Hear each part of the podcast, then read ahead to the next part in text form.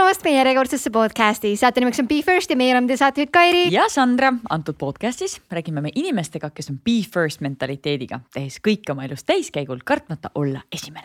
ja podcastis me püüame siis aru saada, kuidas nende inimeste kogemusi ja harjumusi oma elus rakendada paremate tulemuste saavutamiseks. ja täpselt nii, täna on meid ees ootamas üks väga humoorikas saade. meil on külas näitleja ja muusik. ja isa. ja tuleb välja, et äh, hobi korras mahlaekspert teab kõige paremaid äh,, mitte blendereid, vaid presse. pange käed kokku, tehke kõvasti häält. tere tulemast saatesse, Juss Haasmaa. Sportland, Be First podcast. tere, rõõm, rõõm said aru, sa küsisid enne, et mis sa alguses ütlema pead, millal sa tere pead ütlema, sa vist nagu said päris hästi selle esimese asjaga hakkama. ja kui tere öeldakse, siis viisakas on alati terele vastata ka terega, et, et jah väga edukalt sooritatud esimene ülesanne, aga sellega esimesed ülesanded ei piirdu, sest ma ei tea just, kas sa oled kuulanud meie podcast'e, aga me Valeta. alustame alati siukse äh, mängukesega. oi kui tore mul mängud meeldivad mm. -hmm, et me küsime siis sinu esimeste kohta. meie alustame lauset ja sina lõpetad. Kontroll, fakte kontrollima ei hakka, nii et äh, selles mõttes sa võid, see on sinu vastused. selge. aga lihtsalt tea, et kõik, mis sa ütled, et see võib-olla meie ei kontrolli, aga on kuulajad, kes lähevad kontrollivad. ja see on igavesti internetis. kas see on täpselt, oli ikkagi see aasta, see kuupäev, millal Juss ütles, et ta tegi oma esimese filmirolli kas see oli juba kohe küsimus? see oli küsimus ehk siis esimene filmiroll äh, minu esimene filmiroll äh, võib olla sellisest filmist äh, Jan Uuspõld läheb Tartusse. aasta võib siis olla kaks tuhat kuus ja ma mängisin seal sõduripoissi. kuidas sa sinna said üldse?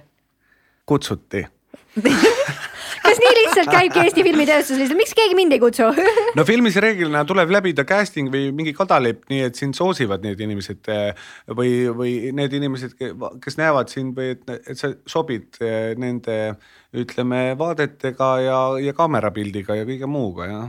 no aga nemad ikkagi kutsuvad sind? ja, ja et sa pead ennast kuhugi panema siis kirja selleks või et? Äh, ei, sa ei pea ennast kirja võib-olla panema, vaid filmi puhul on tavaliselt niimoodi, et sinuga võetakse ühind, ühendust, lepitakse kokku kellaaeg ja, ja kohtumispaik, siis seejärel sa pead kas midagi ette valmistama või mitte, sa lähed sinna kohale, teed kaamera ees mingi prooviklipi või, või mingi, mingi asja, näitad ennast kuidagi kaamerale ja siis juba teised inimesed otsustavad sinu karjääri üle. no aga, aga ma mõtlen selles mõttes, et kui sa oled, sa lähed näitlejaks õppima, on ju siis äh, või sa oled juba, äh, juba nagu tegutsev näitleja, kas sa pead ennast kuhugi, kuhugi panema justkui nagu mingi andmebaasi kirja, et mina olen valmis tulema sende, äh, erinevatesse filmidesse või siis erinevad inimesed, kes tegelevad filmide cast imisega, nad lihtsalt vaatavadki, aa okei okay,, seal Ugalas on see noor Juss Aasmaa äh,.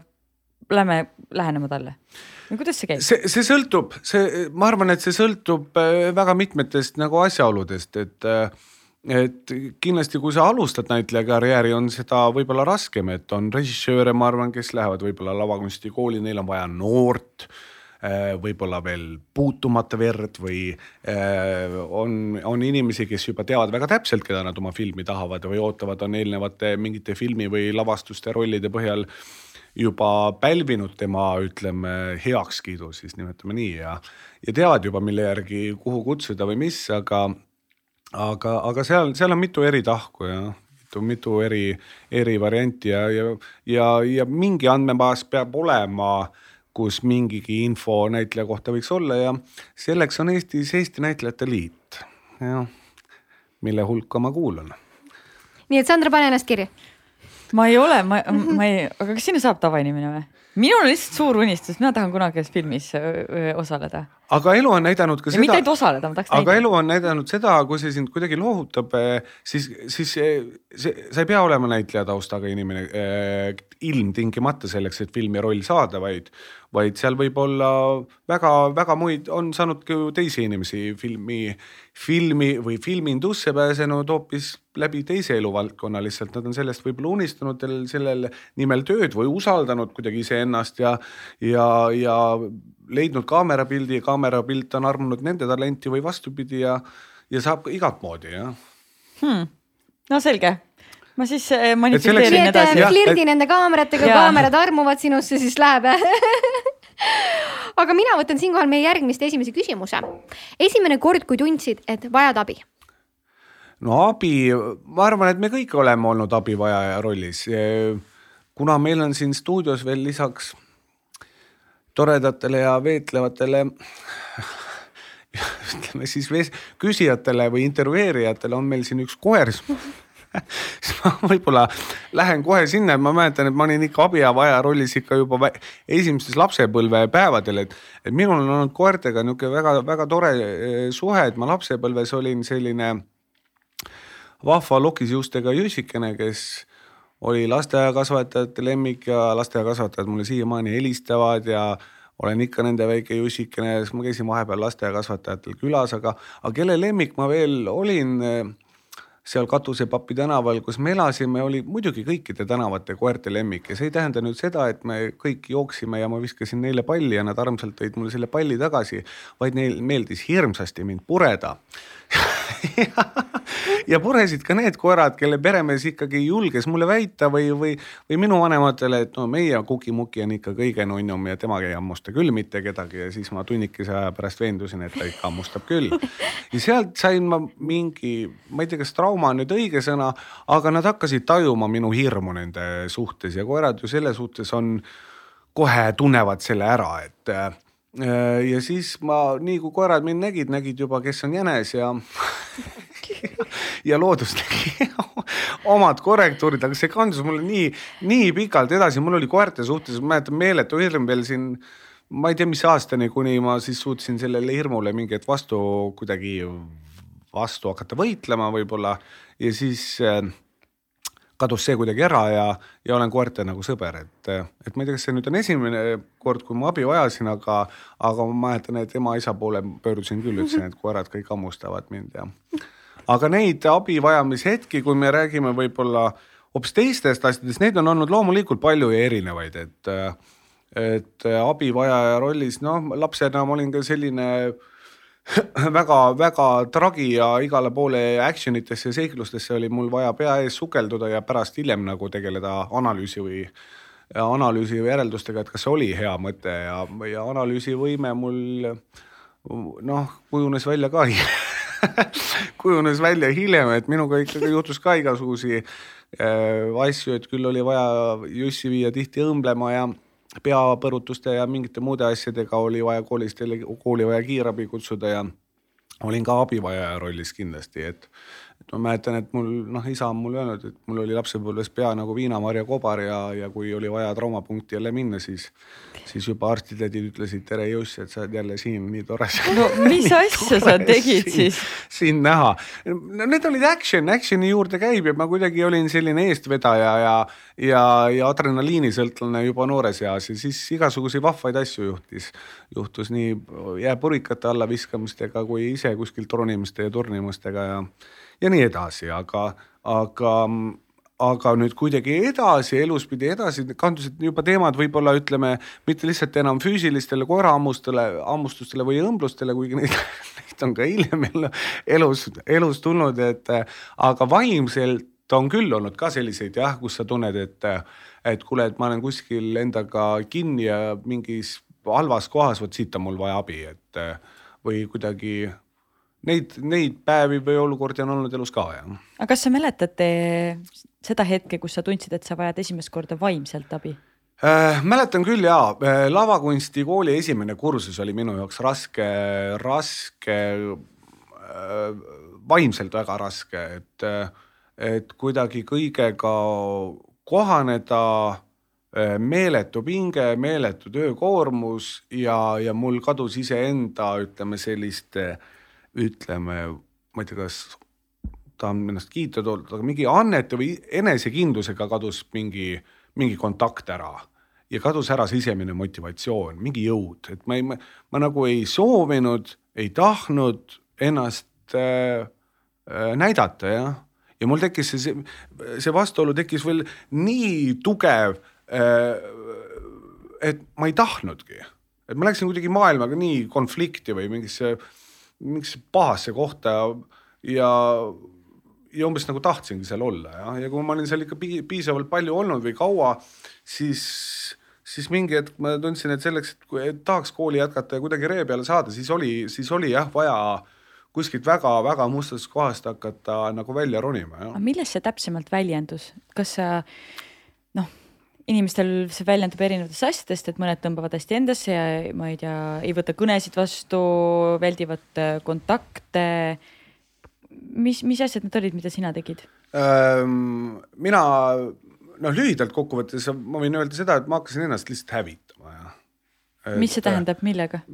alkohol äh,, nikotiin äh,, aga hävitasin ka üksi ennast nende mõtetega jah, millega ma nagu ummikus olin. sealt võib-olla siis tekkis nagu ütleme äh,, kuna olin noor poiss ja ei tahtnud kuidagi, ei saanud täpselt aru, mis minu sees veel toimub miks see kõik nii on äh,. ei osanud rääkida veel oma mõtetest, ei osanud äh,. ma hästi peitsin ja tegin ennast nagu meelega eraklikuks ka jah et ja siis läksidki iseendaga kuskil ummikusse jah, ja siis oli hästi lihtne oligi saada kuidagi leevendust alkoholist, mis, mis sellise, ütleme negatiivse oleku asendas korra nagu heaoluga kuni selle hetkeni, kuni siis ütleme, joove oli mööda läinud jah aga seal tekkiski nagu mingi psühholoogiline sõltuvus, et nagu, et kas see nii on või mitte, siis mingi hetk said nagu kõigele stopi, näed, siit enam sa edasi ei saa. ja siis tuli hakkas, hakata seda kõike nagu välja endast peksma, et, et kas toona toona ma, ma ei osanud ka kusagilt nagu abi paluda või, või otsida või kui ma kuskil käisin, siis tagantjärele ma käisin kuskil valedes kohtades jah, et, et sealt ma nagu ei leidnud, aga, aga seal ma mäletan, et ma leidsin vastuse peeglist jah. Mis oli endaga niisugune tore, tore arusaam või sa nägid seal järsku seda reaalsust, sest niisugused depressioonid ja mingid asjad iseendaga, see on, see on, ta võib olla nii tugev äh,, nii tugev laeng, mis sul kahe kõrvade vahele tuleb, et sul kaob reaalsusega kontakt ära ja, või kuidagi niisuguse heaolu, heaolu või laheda positiivse elu kergusega, et, et kõik muutub hästi raskeks ja, ja ma kuidagi sain tükk või pidasin igati loogilikuks, et see nüüd nii ongi ja nii, nii see jääbki, aga ei, see oli illusioon jah. ja see illusioon, see tuli endast välja peksta jah kuidas sa täna sellele olukorrale oleksid lähenenud, et nüüd, kui teadmiste pagas on natukene suurem, et sa ütlesid, et praegu sa otsisid võib-olla valedest kohtadest abi, et kuidas sa täna lahendaksid seda olukorda? no olles nüüd ütleme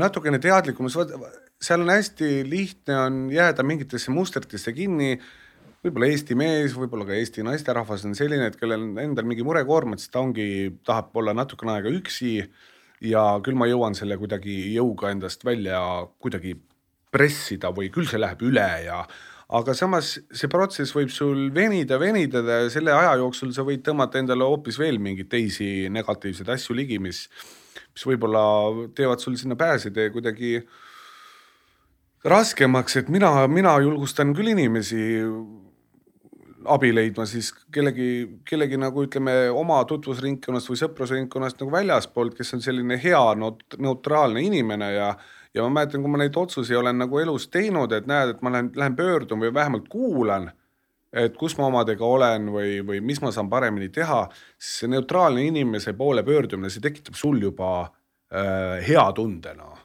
et sa kuidagi oma egoga saad sellise hea kontakti. ma teen iseenda pärast midagi nüüd et ma, ma julgen ise sammu otsida, mitte ma ei otsi oma lahendusel probleemi kuskilt väljast või ei sõltu kellestki teisest, vaid ma lähen nüüd va iseendale, vaatan, kus ma oma mõtetega olen ja mind aitab keegi neutraalne inimene minu kuskilt sõprusringkonnast süsteemist väljas. Ja seal on nagu tegelikult hästi palju kergust ja lahendusi.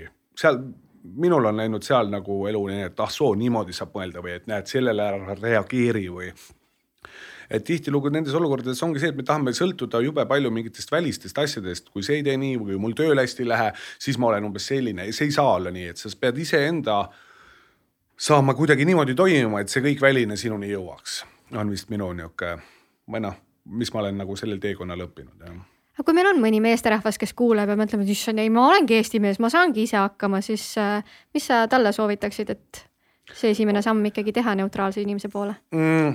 No mina julgustan ja julgustan ka siis, äh, kui sa tunned, et mul on kõik hästi või fine sest ma tean ka inimesi, kes äh, manavad endale keep smiling'u äh, äh, sellise maski pähe ette ja arvavad, et see ongi minu nagu hea, aga samas nende plaastrite all äh, mis ta selle alla on peitnud, seal on, seal on hoopis segadus. et, et see on võib-olla eestlasele selline hästi omane ja lihtne kerge muster on see, et kuidas sul läheb, mul läheb hästi, ahah, ja that's it, et ei hakkaks üldse mingeid teemasid lahkama ja segama ja võib-olla ei tahagi lahata ja segada.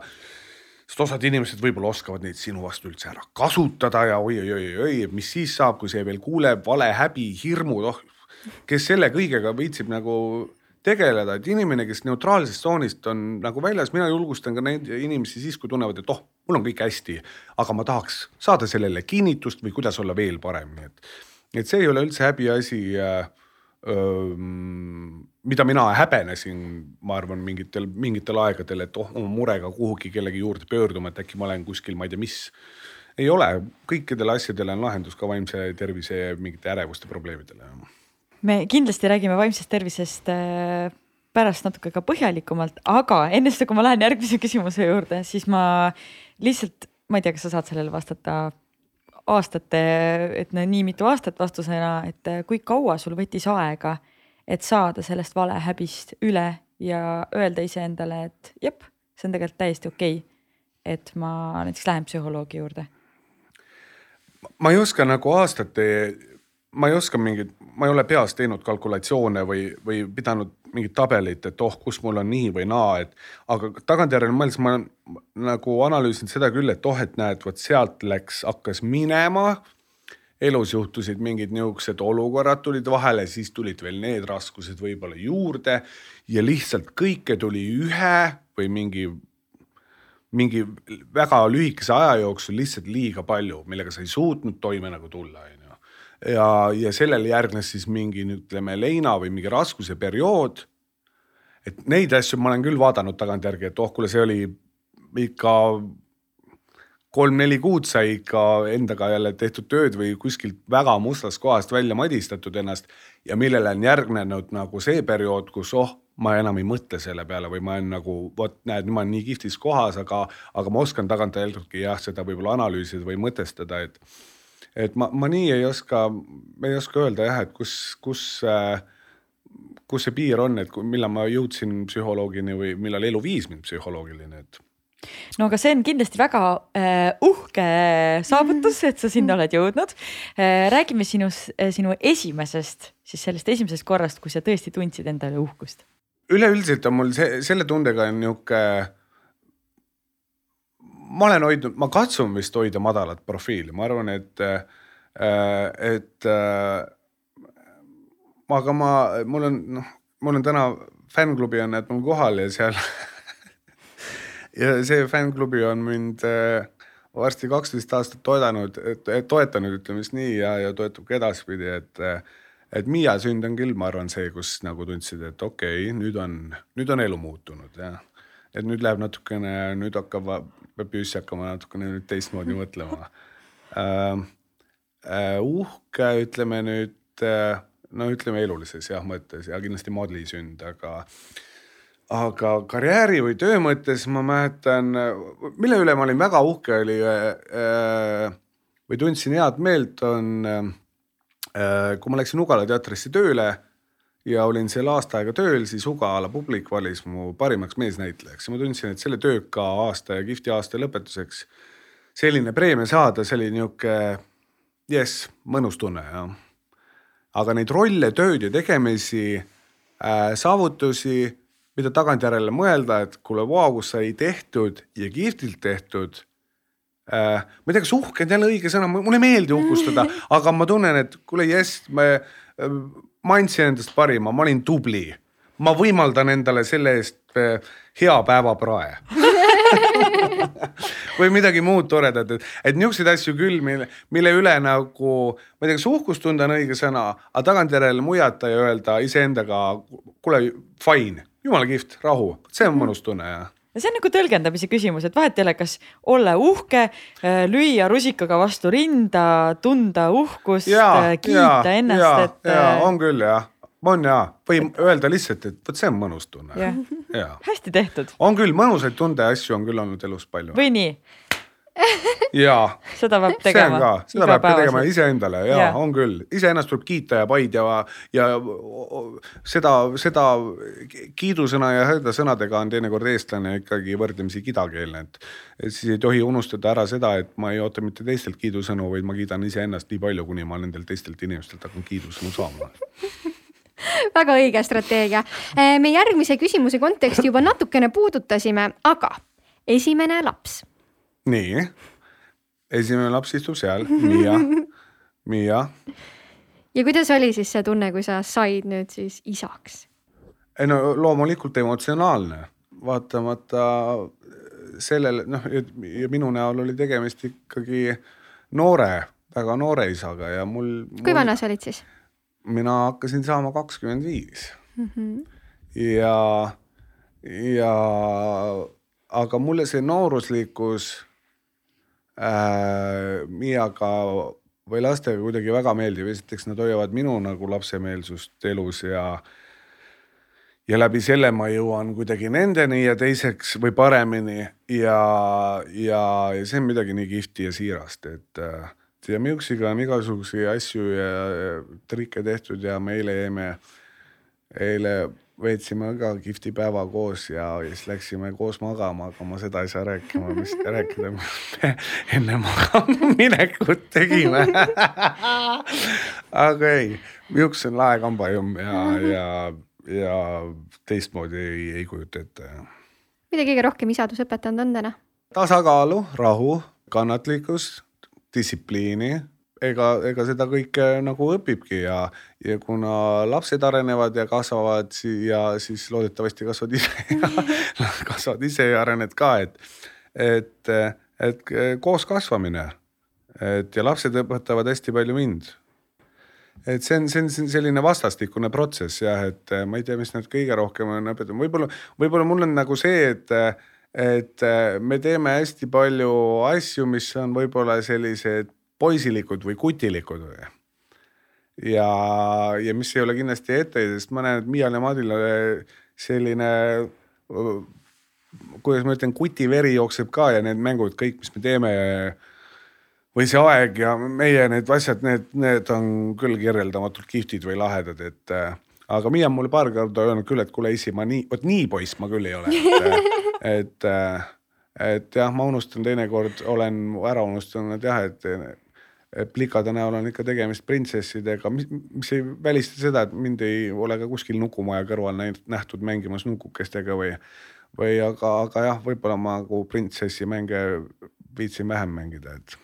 ma vaatasin, et Daniel Levi tõmbas endale Elsa kostüümi selga, et sul seda ei ole ette tulnud veel? ma olen tõmmanud. vot seda ma tahaks näha ma olen tõmmanud õrna saare naise kostüümi selga ja, ja, ja ma ja olen jäänud ikkagi kodumaiste juurde, juurde, juurde, juurde, et, et seda ma olen teinud küll. ma arvan, et ka vist laste juuresolekul, mingitel kummalistel asjaoludel sunnil, aga ärme, ärme võib-olla sellest täpsemalt, täpsemalt aga räägi. räägime sellest, mis on esimene asi, mida sa hommikuti teed hommikuti, vaata, see oleneb mingist eluperioodist äh, ja asjast, aga mis ma võtsin endale taas sügisele, sügisesse menüüsse ja mida ma soovitan inimestele, mida ma julgustan. kas ma pakun sellerimahl? täpselt, no nii ma ei teadnud seda ausalt. ja no et see ja, ja, ja mis ta siis, mis ta siis teeb, et ma mäletan, kui ma esimest korda nagu tutvustati selleri mahla ja ma proovisin seda juua, see see maitses kuidagi nii, nagu keegi on seda umbes kas söönud juba või, või ta ei olnud midagi, midagi nagu nii meeldivat, aga mis ma tajusin iseendas. et, et tegelikult on ju tohutu toksiinide ja, ja hästi jõu ja energiarikas nagu asi et eh, mul vähenes kohvi joomise eh, tarbimisharjumus, ma, ma sain, eh, ma sain Selleri mahlast tohutu niisuguse kickstardi juba päeva alguses ja Selleri mahla mina soovitan inimestel juua esimese asjana enne igasugust hommikusööki, hommikukohvi, hommikupudru. et hommikul, kui ma ärkan üles, ma pressin endale Selleri mahla, joon selle ära ja siis ma vaatan, mis toimub siis on alles kohvi ja värk ja, ja televiisor ja vaatab, aga see oleneb jällegi, milline elutempo või. täna me hommikul ei jõudnud, me ärkasime Miaga üles ja vaatasime natuke Youtube'i ja siis juba jooksime raadiosse ma, ma ikka saan igalt poolt seda sellerimahla Promo. seda promo ja seda vibes'i, ma vist ikka pean ka selle asja ära proovima. proovi, mina julgustan, et äh, äh, esimestel päevadel sa võib-olla ei taju seda, selle joogi toimeainet, aga see sealt, kui sa seda jätkusuutlikult teed nagu igapäevaselt, siis äh,, siis sa saad aru, mis, mis sul vaja, et minul ei ole vaja, ütleme, kui ma alustan hommiku hommikul Selleri mahlaga, kolmandal-neljandal päeval mul ei ole raskusi ärkamisega, sest Seller mahla äratab mu üles, siis mul on aega kohvi juua ja ma ei sõltu nendest kohvidest. osadel inimestel on esimene asi hommikul on kohe kohvi, ennem ma ei hakka üldse kellegagi midagi rääkima või tegema või vaatan neist natukene sotsiaalmeedia kõik läbi. aga see Selleri mahl, see, see tõmbab natuke teistmoodi sul jah mul on lihtsalt see, et äh, ma ei leia sellist normaalses suuruses ähm,. mis on see mahlapress või?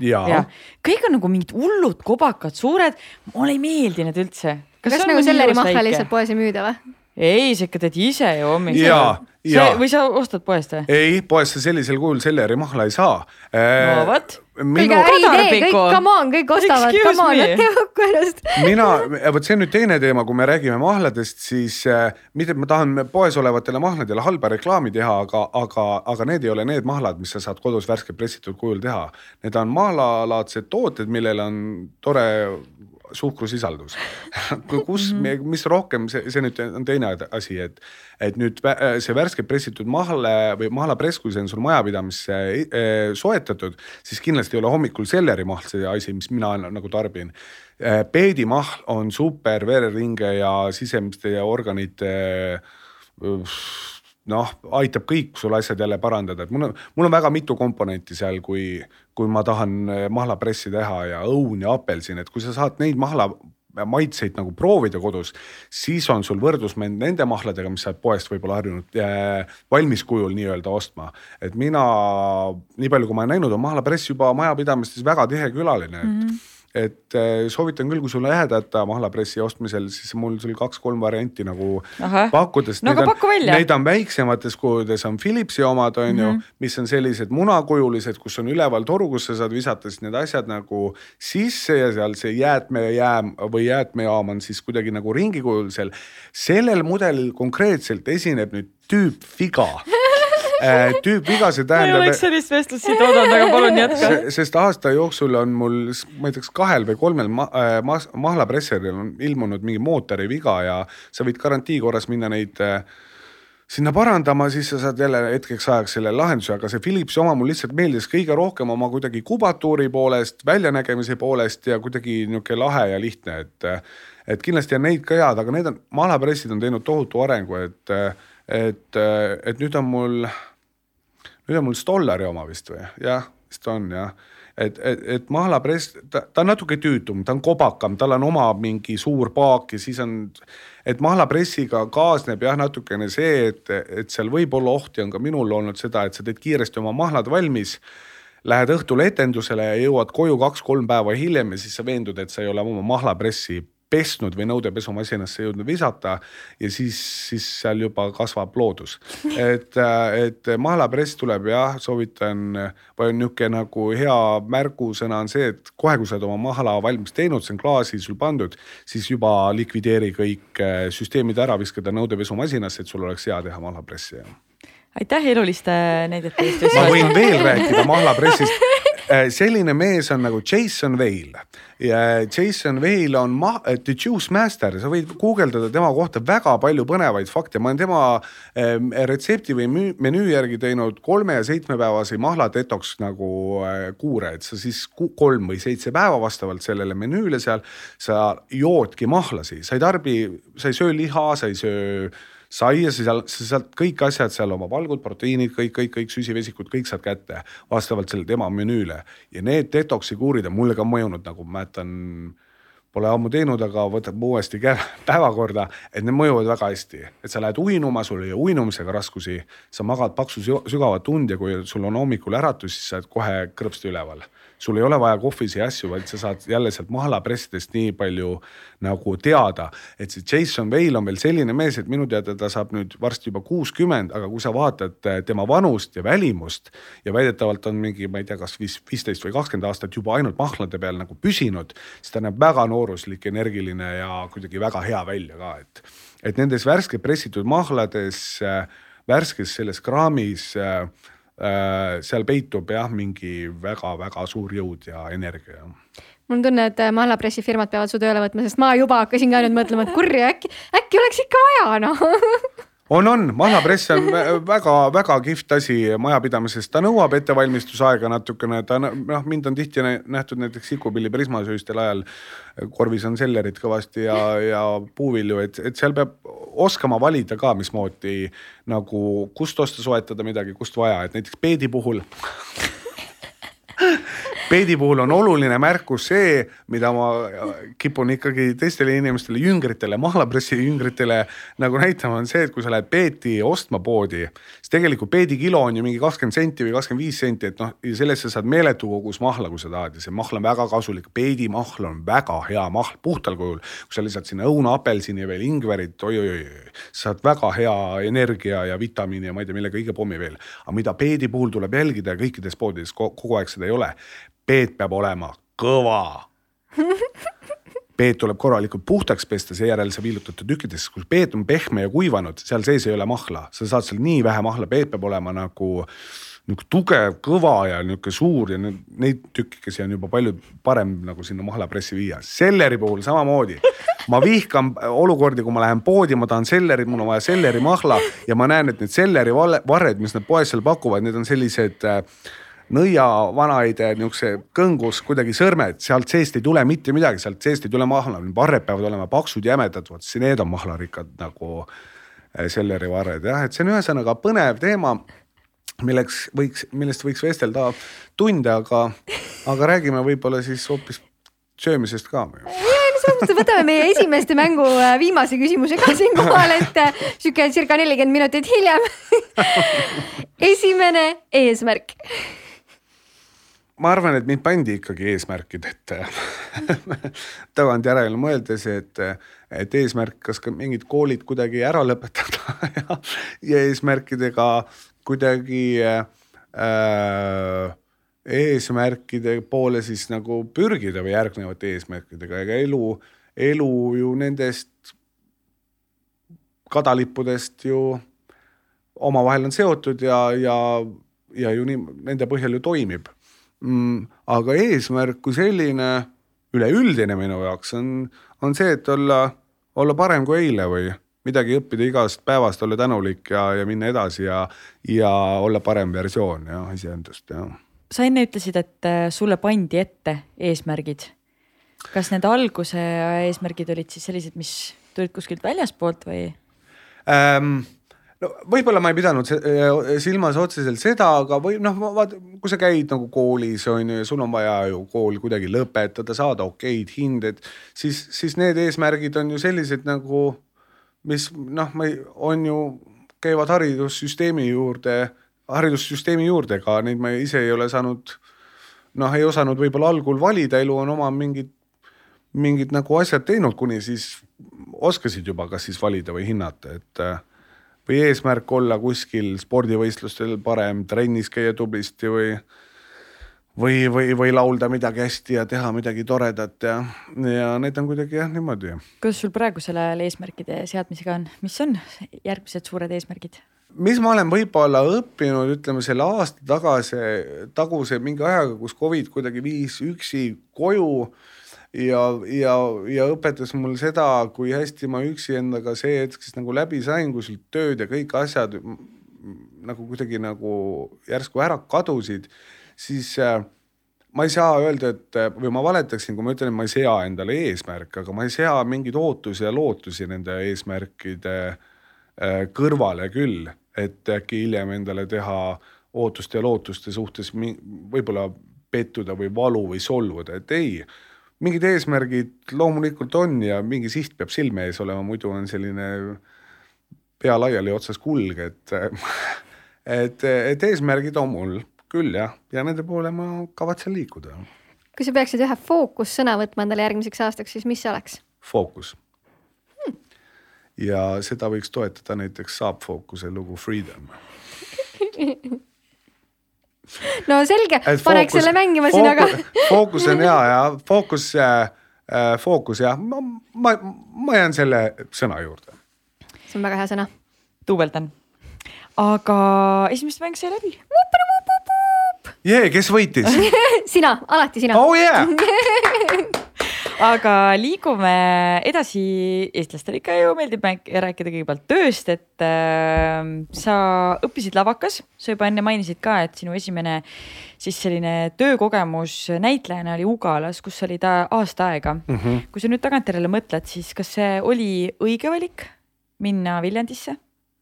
jaa kindla, kindlasti meie lavakunstikooli lend lõpetas kooli äh, kaks tuhat kaheksa aastal ja sellel ajal oli äh, olid teatrid äh, näitlejatest, äh, ma ei saa nüüd öelda, kas ülekoormatud on õige sõna, aga, aga, aga näitlejaid oli rohkem, kui oli võib-olla siis, kuidas ma nüüd ütlen, töökohti või võimalusi või.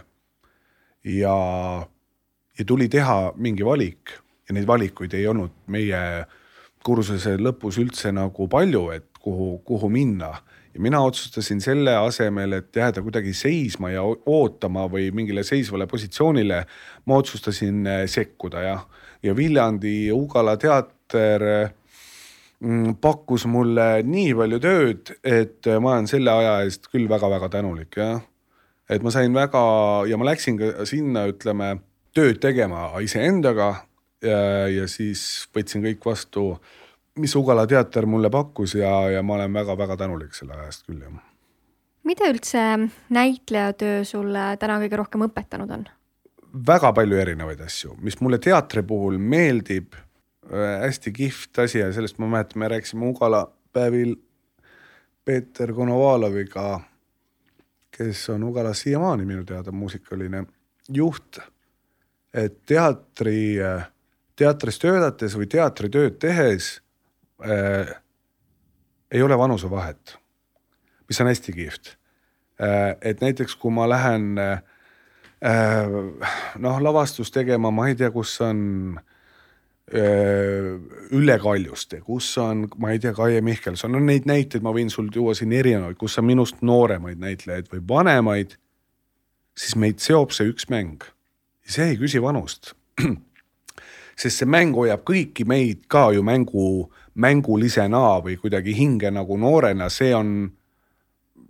me mängime nagu lasteaias mängib üks rühm oma mänge õues, me mäng-, nüüd on meil lihtsalt see siin on kuskil teatri, teatrisaalis ja meil on vaja see tuua publiku ees välja, et minu meelest see on hästi kihvt jah sest see liidab kõiki inimesi täpselt ühtemoodi, seal ei ole vahet, et oled sa, isegi kui sul on väike laps on seal lavastuses, siis tal on ka osa sellest sellest kogu, kogu sellest mänguperest, kõigil on oma roll seal kanda ja et see on minu meelest hästi kihvt, ma mäletan, kui me uues teatris tegime etendusi ja seal oli eakamaid või nooremaid või, või kus iganes sa teatrites teed või ja siis tulid mul sõbrad võib-olla lavastust vaatama ja ja ma vestlen seal oma kolleegidega, siis sõbrad tulevad minu juurde, nad lähenevad mulle nii, nagu nad on harjunud lähenema, aga kui mul seal kõrval on äh, on, on, ma ei tea, Raivo E Tamm või keegi, siis nad kohe vaatavad, et oi, temaga peaks kuidagi nagu teistmoodi suhtlema või, või, või ma ei tea, Ita Everi juubelil esinesin seal, laulsin, Ita on mul kõrval, siis järsku inimene ei oska ka, et oh, mismoodi ma pean temaga rääkima. et mina saan, me saame täpselt samamoodi rääkida jah, sest meid seob see mäng, et aga seal on, seal on ka jälle teine asi on see, et, et, et, et see mäng hakkab alles ka siduma siis neid inimesi, kui need inimesed on koos mänginud jah et siis nad on rohkem teadlikud sinu ja teiste suhtes, et, et ja, ja teatritöö on, on, ma arvan, kihvt ja põnev ja, ja, ja iga, iga lavastus on mulle midagi õpetanud. see ka lavastused, mida oled tahtnud ikka või oled pidanud, ütleme, tegema tohutu tahtejõu meetodiga, näiteks Ugala päevil ma mäletan etendust Inetu pardipoeg ja lendav kass jõululavastus, mida me pidime detsembrikuus kahekümne viiel korral mängima ja siis ma mängisin seal selle inetu pardipoja, ütleme siis õiget venda parti või ma, ma olin üks partidest seal.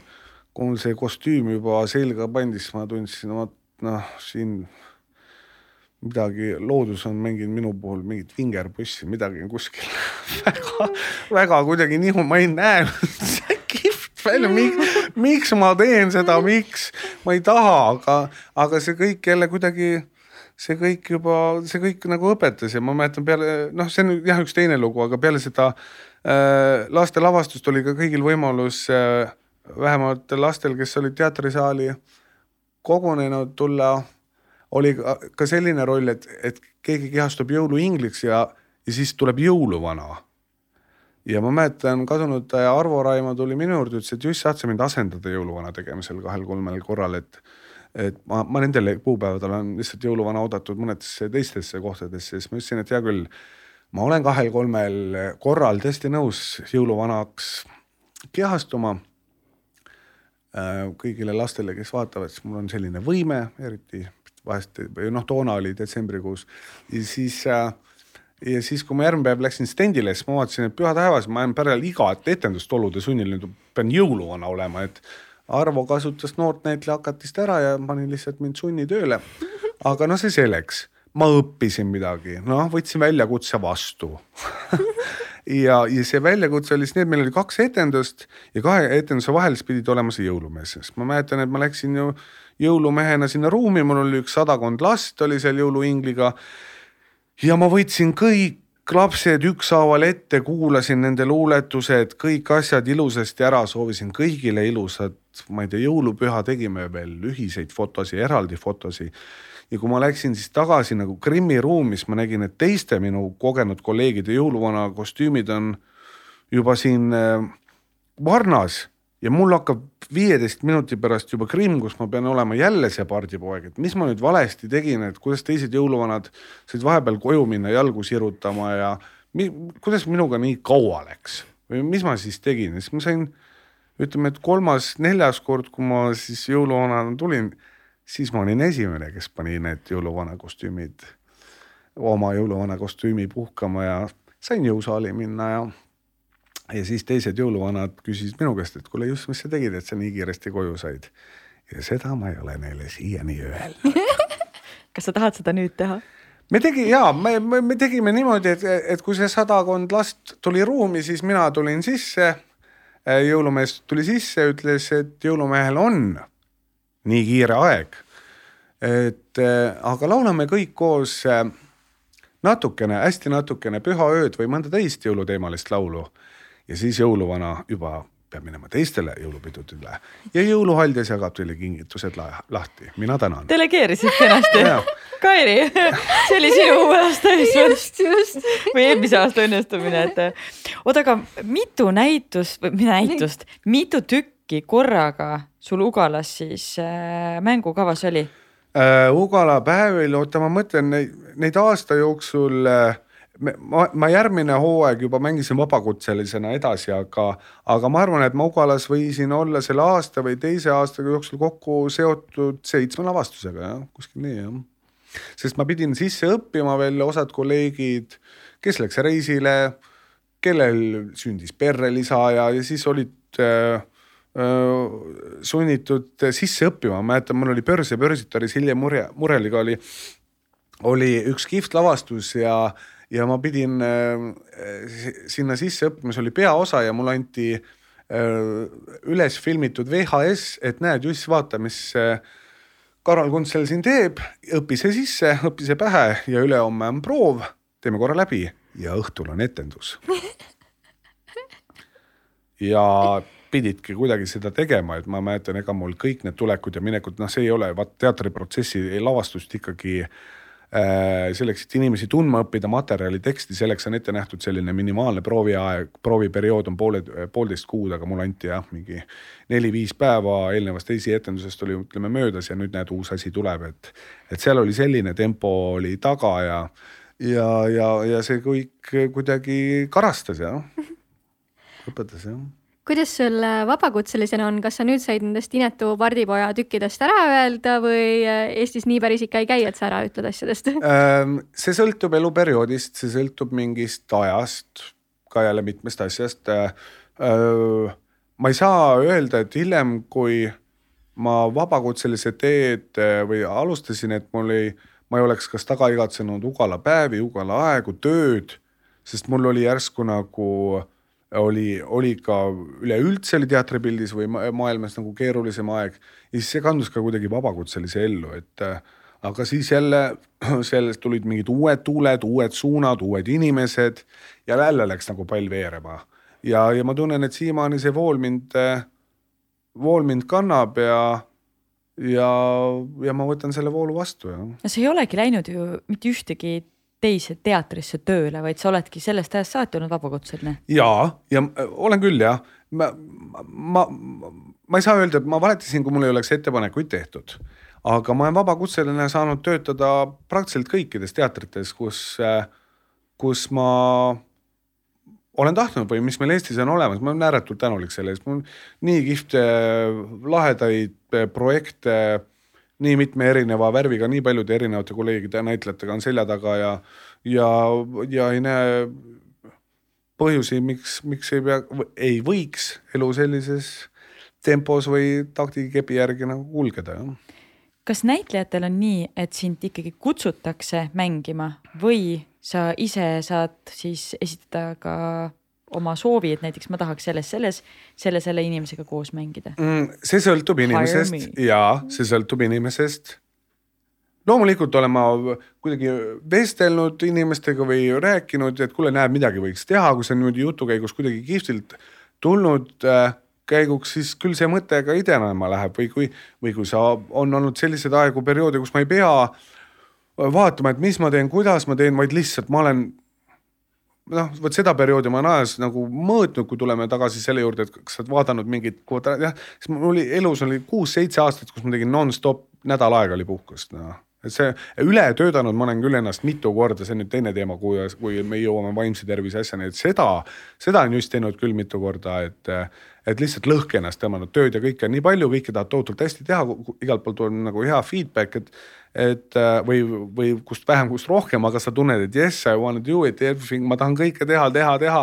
et, et see sõltub jah, et see sõltub. Äh, et ma ei tea, kas ma selline inimene olen või on mul äkki siis vedanud, et ma läheks kuskile ukse taha koputama, et ütleks, kuule, sorry, ma ei tea, mul ei ole, ma ei oska midagi teha ja, või noh, tegelikult peabki hästi palju ise tegema no., iseennast push ima oma asju ja andeid ja ja, ja küll, küll seda tööd märgatakse, jah kas see ülerabelemine, ületöötamine on ka vajalik Eestis või elab näitlejana ka täitsa rahulikult ära? jälle sõltub, vabakutseline, vabakutselisena ikkagi sa, sa oled iseenda peremees, noh, et, et kui ma oleks teatripalgal, ütleme tööl ja, ja nüüd see sõltub ka sellest töökoormusest, mis mul teater nagu ette siis ütleks või, või teeks, siis, siis mul on tunne, et mul ei ole aega võib-olla eh, või läheb aeg, see läheb millegi arvelt, noh. et vabakutselasena mulle meeldib see, et kui mul ei ole mm, töid või projekte või mingeid tuure, kontserte, asju veel ei ei, ei, ei ütle, ei tõmba mu kalendrit nagu ütleme täiesti kinni. no vot siis on, siis on, näeb mind tihti jõusaalis ja, mhm. või kuskil rühmatrennides ja siis ma, siis ma mängin pilli, ma kirjutan muusikat, mulle meeldib mingeid niisuguseid asju teha, ma lähen hea meelega kuskile reisile, ma olen põnnidega, käime kelgutamas ja ma võtan mingi, elan mingit sellist elu, sest kindlasti tuleb jälle see periood, kus ma ennast jälle totaalselt rihmaks ja ületöötamisega tõmban, et, et siis tuleb kuidagi see aeg nagu targalt Äh, maandada, ma mäletan, mul varem oli tohutu hirm ja stress küll selle ees, kui, kui sa oled nagu orav rattas ja äh, harjunud nagu jooksma ja siis sul järsku oli nädal kaks vaikust, keegi kuhugi ei kutsunud, midagi ei olnud, see, see sul oli lihtsalt sõge, esimesed kaks-kolm päeva tundus nagu midagi on viga, kas nüüd nii jääbki või, või on, läheb, läheb kuidagi nagu elu edasi, ei ikka läheb, oh jess, saab jälle tööd teha ja tohutult kuidagi oh.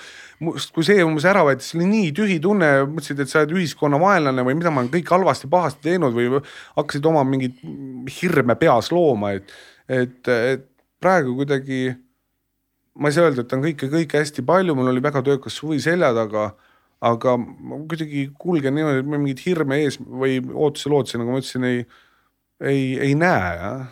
kas on olnud hetki ka, kus sa oled tundnud, et, et ma ei, ma ei taha seda enam teha? ja, ja neid on olnud küll jah, on küll.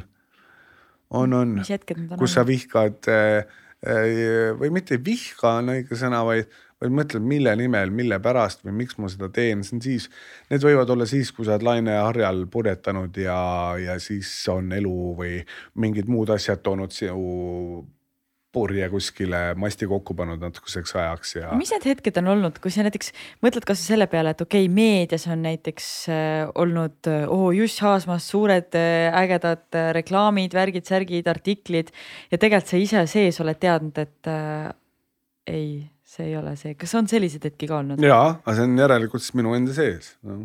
aga mis need hetked on olnud, kui sa tagantjärele mm,? võib-olla see ongi see, et sa töötad ennast äh, üle, on üks igati loogiline nagu asi, kus, äh, kus sa nagu oma, ütleme, närvisüsteemi, une ja mingid muud asjad äh, kulutad kuhugi ära, ei oska need, sa ei ole andnud neile aega lihtsalt nagu taastada iseendale ja siis sa võid hakata seal ületöötamise või ajal mingeid asju südamesse, hinge võtma. loomingu inimesed on kindlasti tundlikud, minul tundlikkus on avaldanud selles, et ma olen neitsi tähtkujus, vähemalt nii on mulle targemad inimesed öelnud, et, et ma olen võtnud jah, mingeid asju sellel hetkel nagu hinge ja hakanud midagi praadima või panema oma mingitele tegemistele mingit, mingit sellist hinnangut, mis, mis ei ole adekvaatsed ja siis kuidagi võib-olla üleväsimuse ja millegagi hakkad, hakkadki neid umbes uskuma või genereerima ja siis juba lendab, lendavad pea kohale mingid teised asjad ja, ja siis jälle puhkad ja siis vaatad, et ei ole ikka nii ja tuled kuidagi mängu tagasi, et eks see nii käib jah. Kui ma vastasin nüüd küsimusele. ei, ma ei saanud päris täpselt vastust, ma mõtlesin, et äkki sa tood mingisugused konkreetsed äh, olukorrad välja, lihtsalt huvitav on teada. oota, kuidas sa küsisid? ma küsisin, et, äh, et et mis on olnud need hetked, kus sa oled tundnud, et sa ei taha teha näitleja tööd ja tegelikult ma tahaksin selle, ma küsin kohe see jätkuküsimuse ära, et kuidas sa nendest välja oled tulnud? võib-olla siis, kui sa, kui ei ole tulemusega äh, rahule jäänud ja et ma olen nagu, ma ajan taga ka mingeid väga perfektseid asju või ma tahan, et mingid asjad oleks väga-väga, ma ei tea, et noh, et mitte keegi ei julgeks isegi mingit kobinat minu minu suunas delegeerida, et ma tahan ja et kõik oleks väga hästi ja kõik võtaks selle kuidagi käega vastu või kahe käe vastu. et kui ma ei jää selle tulemusega rahule, kui ma olen sõltunud või pidanud olude sunnil midagi muud tegema, mis ma tunnen, et ei ole, ei ole see õige, siis seal võib tekkida see, et ah, that's not me nagu.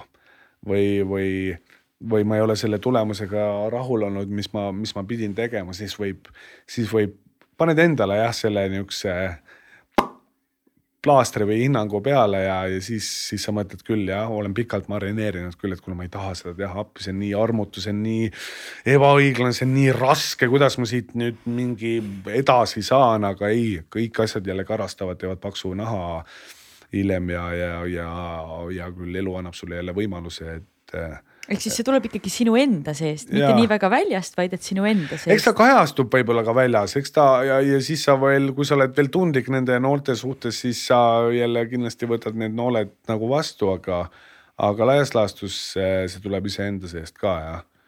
et, et jah, võib-olla need, kui, aga õnneks neid näiteid elus ei ole palju teha, kus sa saad öelda, et kuule, vot selle asja üle ma tead, mis uhkust ei tunne või et ikkagi neid asju tuleb osata rohkem hinnata, mis on olnud success ja, ja sinna oma fookus nagu suunata. lisaks oma näitleja rollile on sul siin success ka ikkagi muusikamaailmas. no eks ta oma suuremat success'i ja ukse äh,, ukse lahtilöömist nagu ootab, aga, aga sisetunne ütleb, et on, mida oodata. kuidas sa üldse sellesse maailmasse sukeldusid või miks? Ähm, siin ei pea, ma arvan, põhjust nagu kaugelt otsima äh,. olles Kukerpillide orkestripoeg äh, terve orkestripoeg. ja no nii nad vähemalt ütlevad, et sa oled Jussi orkestripoeg, et, et tunnen, tunnen, tunnen kõiki poisse, ütleme siis nii. on mul isa ei hakka seal äh, juba kolmkümmend seitse või kolmkümmend kuus aastat mänginud. Et, et, et sealt on mingi pisik mulle kaasa, kaasa sündinud jah, või kaasa antud ja, ja, ja muusika või pillimäng, see on käinud asja juurde. ja seda ma olen kuidagi ise mingitel eluperioodidel rohkem sinna on see mulle nagu teatritöö kõrvale pakkunud lahedat vaheldust ja siis mingi hetk kuidagi on nagu teatritöö jälle võtnud, me oleme sellist mõnusat mängu nagu oleme elus mänginud ja küll ta, küll ta jälle kuidagi tuleb mu rohkem ellu, sest ma olen muusikat igatsenud küll peale Covidit või kui, kui meil uksed kinni läksid, siis seda on olnud natukene vähe küll ja võib-olla paljud inimesed, kes kuulavad, ei tea, et sa mängid äh, mega hästi trumme. Äh, kust sul selline instrumendi valik? kõigepealt aitäh tunnustuse eest. Võta heaks trummimänguga jälle ei pea kahju, äh, põhjust äh, kaugelt otsima, mul isa tegi huvikeskus Kullosse, rajas äh, trummiklassi või trummiõppe, mis on seal nüüd siiamaani. ma olen ise ka seal viis-kuus aastat õpetanud õpilasi.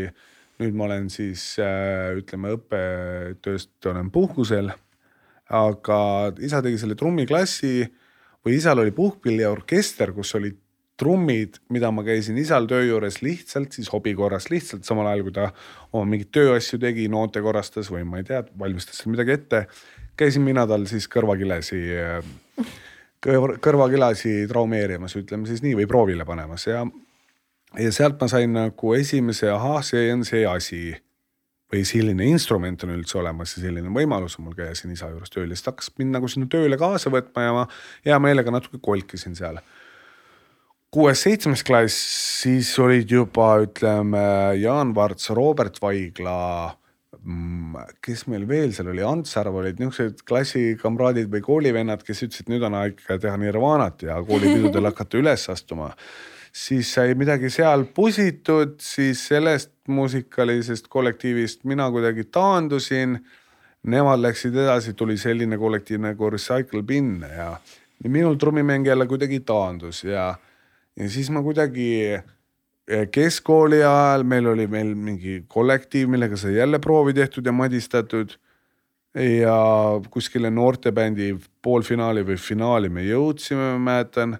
siis mul oli juba oma trummipulkade kott ja oma taldrikute kott ja mul oli juba nihuke mingi väike väiksed asjad olid soetatud või isa aitas mul soetada, siis ma käisin isa seda puhkpilliorkestrit vahepeal aitamas sellised toredad umpa-umpa lood olid. selle all peab äh, silmas äh, kollektiivnimega Kukerpillid. ei äh,, Kukerpilli veel ei pidanud, äh, isal oli, toona oli veel ka selline, nüüd see on vist äh, Eesti äh, Raudtee puhkpilli või segakoor, ma ei tea, kuidas see nimetus seal on, aga toona oli see puhkpilliorkester Saunamees no vot ja siis seal oli tihtilugu oli millegipärast trummar või nende trummar oli kas mingite muude asjadega hõiva, hõivatud või oli haige ja siis väike või noor Jüss käis teda seal ka asendamas, aga, aga see ei olnud minu muusikastiil, ma ei tundnud ennast seal kuigi hästi, aga mingi taktitunnetuse ja mingid asjad ma sain seal kindlasti noh. Ja, ja siis lavakapäevil öeldi ka mulle, et kuule just sina pead ainult trummi mängima nagu ja ja ma ei saanud aru, nagu ma olen siin, mul on teine töökoormus või mingid teised asjad, ma olen kuskil võib-olla ära ja mis teie tahate ja nüüd veel see ka. teen jõuluvana. ja siis ma hakkasin seda trumme seal lavakas kuidagi põristama. oli mõnus tunne, siis jälle läksid pill kuskile Urnasse, Ugala päevil ma harjutasin, siis tulid mingid lavastused, kus ma pidin trumme mängima kehastuda raudmeheks, Gunnar Krapsiks, siis juba järgmine lavastus Draamateatris Sinul on meretäis hirmu, Lauri Lagle lavastas selle, seal ma pidin trumme mängima. et ühesõnaga tegid, tulid niisugused lavastused ellu iga natukese aja tagant äh,, kus pidid hoidma süsteemi kuidagi soojas. ja ma olen saanud kaks-kolm korda vitsa endal või lubanud endale vitsa, et oled need pulgad ära nagu pannud, et oh, siis tulevad teised projektid, kus ma nagu umbes sellega ei pea justkui nagu tegelema et miks ma ennast üle töötan või üle mõtlen, et seda ma võin teha lihtsalt hobi korras. ja kuni selle hetkeni, et ma sain aru, et kuule, siin asi enam hobi ei ole noh. et ma mäletan, see Raudmäe lavastus, seal oli selline trummar Jaanus Salm, kes on mul väga hea sõber, kes oli ka Gunnar Krapsil nagu trummar. ja Jaanus ütles või nägi seda, et ütles just nüüd siin on vundament, sa oled vundamenti peksnud nüüd. et äh, nüüd teed, hakkad kütet tegema. Ja siis peale, kui see raudmees sai tehtud, ma sain kuidagi väga palju sellist sisemist jõudu, sisemist kindlust, mul käisid kihvtid lauljad, inimesed vaatamas, kes ütlesid, kuule mees, see vocal on sul juba niisugune, millega peab tööd tegema meil ja kütma edasi ja trummimäng on ka. siis ma tegin äh, korra nagu ületöötamisest pausi, puhkuse ja meie, meil on natuke aega, ma tean, et ma ütlesin sulle üheni, aga tegelikult läheb kaheni. et ähm, et, et siis ma tegin jah endaga äh, kuidagi nii, et äh, ma mäletan, mul oli seriaalitöö, mul oli mingeid etendusi, aga mul üleüldist sellist üheteistkümnest kolmeni proovigraafikut ei olnud. ja ma tegin iseendaga kaks aastat tööd ja tegin kaks aastat siis endale kuidagi niisuguse iseseisva magistratuuri, käisin hästi palju hääle, hääleseades ja mängisin, katsusin trummi mängida nii, et äh, sada tundi kuus. see oli minu niisugune miinimum Vau, alla selle ma ei leppinud jah. ja ma sain teha sellist asja pea kaks aastat jah. ja siis ma sain aru, et see trummimäng, ütleme või peale aastat ütleme, et kui ma olen trummimänguga vormis, siis äh, ma olen iseendaga ka kuskil kihvtimas ja paremas kohas. nii kui mul on trummimäng kuskil, ma ei tea, mingil vedelal kujul, no nüüd ta ei ole pikki aastaid nagu olnud, siis ma võin iseendaga ka olla mingi niisugune laiskvorst. Et ja see peab olema nagu soojas ja, ja seda ma soojas hoian jah. mis sa ütled inimestele, kes ütlevad, et ma ei saa, ma ei, ah Jussil on lihtne, vaata. ei uh, -uh, kõigil on olemas. nii palju, kui ma õpilaste puhul, oma õpilaste puhul näen, kõigil meil süda lööb, meil on oma, we have our tempo, everybody has et kõigil on meil oma rütmitunnetus olemas, sellega sa oled siia si ilma sündinud äh,. aga, aga õppida selgeks A ja O, minna sealt veel edasi, see lihtsalt nõuab tööd.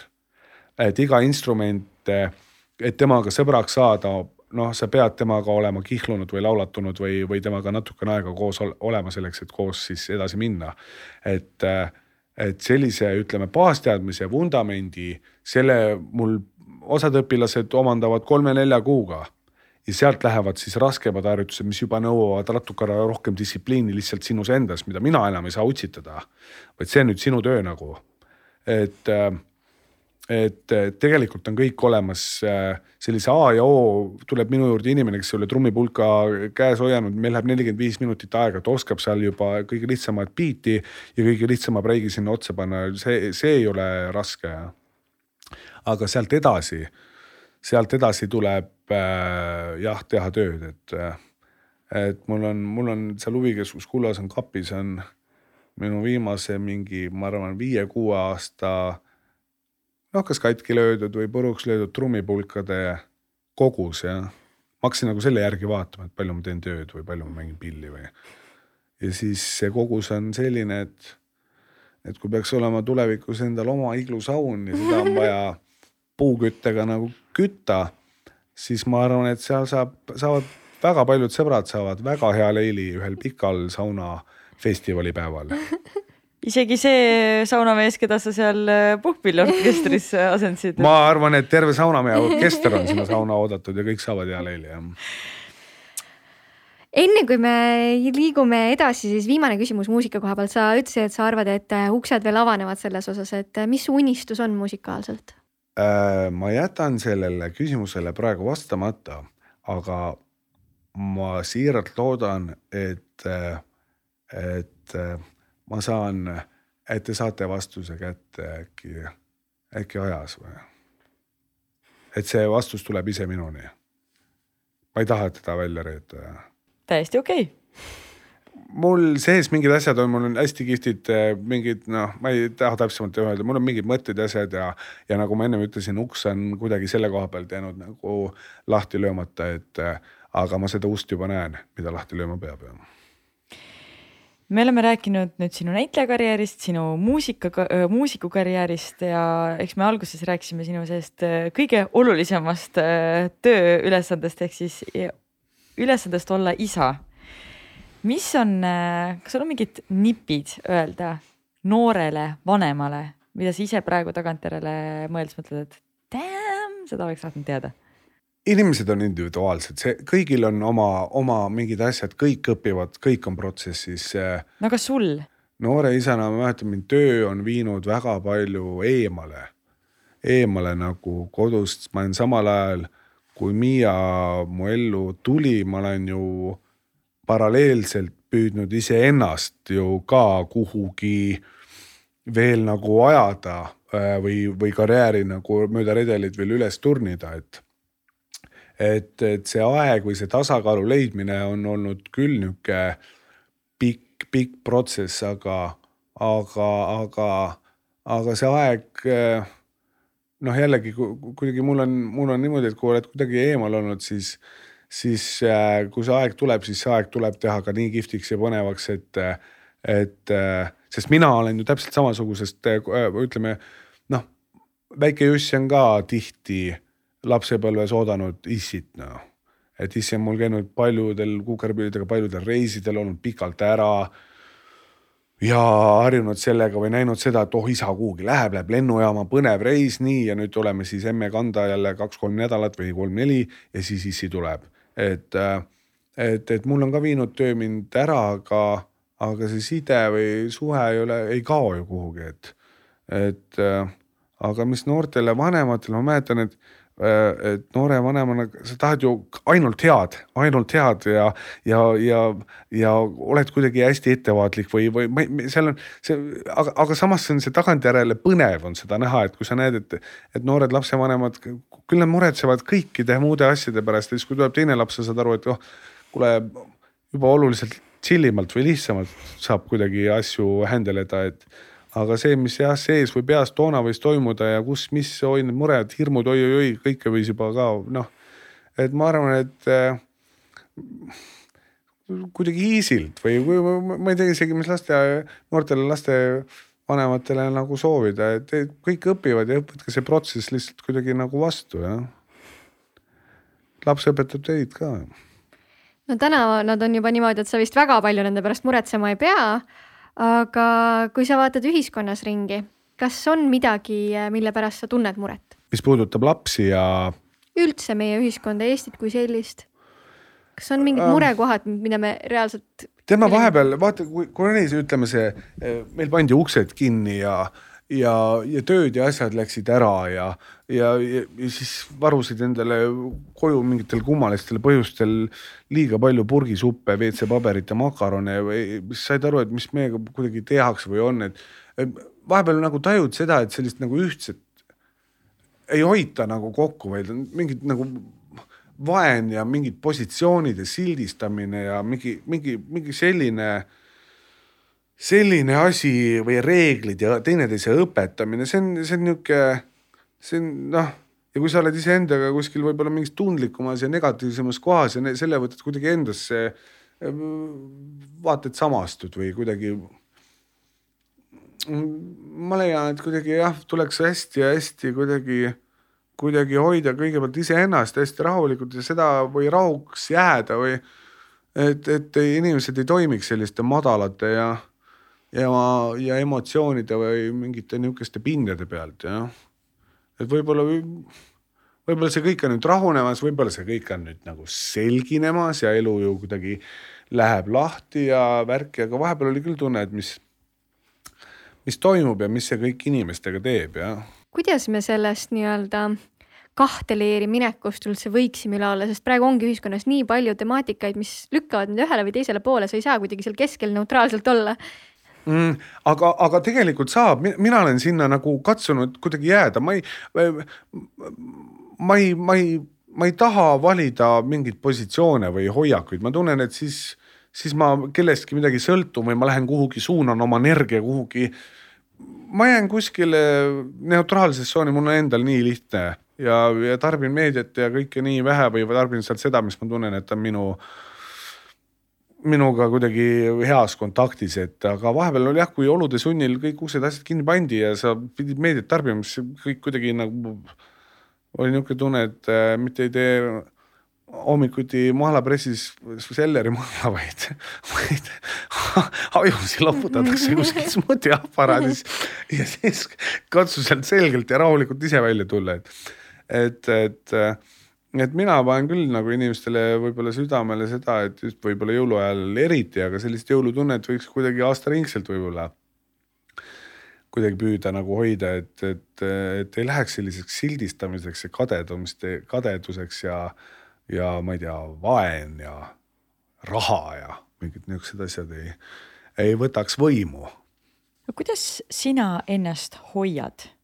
just kui me räägime vaimsest poolest praegu? Suve lõpus ma, mul oli nelikümmend viis etendust suvel, mul oli väga palju nagu tööd, mis oli tore Äh, ja vahva. Ja siis ma kuidagi noh, mingil hetkel ma sain aru, et juba uni, uinumisega raskusi, ärkad rumalatel kellaaegadel. Oli troopikakuumus, meil on väga kihvt suvi olnud selja taga. Mm -hmm. ja see kõik kuidagi nagu lükkas nii, et ma tundsin, et okei okay,, tööd on jälle tehtud. ja nüüd ma tahan võtta sügisest aja iseendale, et lisaks sellele Selleri mahlale ja ja võib-olla trummimängule ja mingitele asjadele, ma olen väga tahtnud või unistanud sellisest äh, või ajast, et, et, et ma saan väga palju nagu käia trennis ja et lisaks nagu see, see hoiab ka juba vaimselt äh, maailma väga palju nagu tasakaalus. et, äh, et ma mäletan, ma alustasin seal augusti või septembri algus mingi kolme trenniga nädalas ja nüüd ma tahan saada minimaalselt selline viis-kuus trenni ja nädalavahetusel ma puhkan, aga ma kindlasti ei luba endale patupäevist, esiteks neid rokke, kontserte või asju või, või mingeid keikasi või asju Neid on esiteks vähem ja kui neid tuleks nagu juurde, siis on sellega kaasneb ka mingi stress. siis sa paned selle trenni arvelt kuhugi natukene jälle seisma, siis on juba sõbrad ja ma ei tea, õlle ja snäkid ja mis kõik selle nagu lifestyle'i juurde käib, et ma olen selle nagu kõik menüüst välja kraapinud jah ja ilgelt hea on olla, mul on üks parimaid unesid või ütleme, uni on mega, ärkamine on tore ja, ja uni on mega, ärkamine on tore ja, ja siis ja kuidagi trenn ja, ja, ja, ja jätkusuutlikkus jah, ja distsipliin jah. aga sa oled viimasel ajal päris palju rääkinud äh, vaimse tervise teemadel ka ava avalikult mm. -hmm. kas äh, see on sinu jaoks lihtne seda teha äh,? ei ole äh, ja tegelikult see on ka ühiskonnas ei ole seda lihtne teha, nii palju, kui ma olen aru saanud.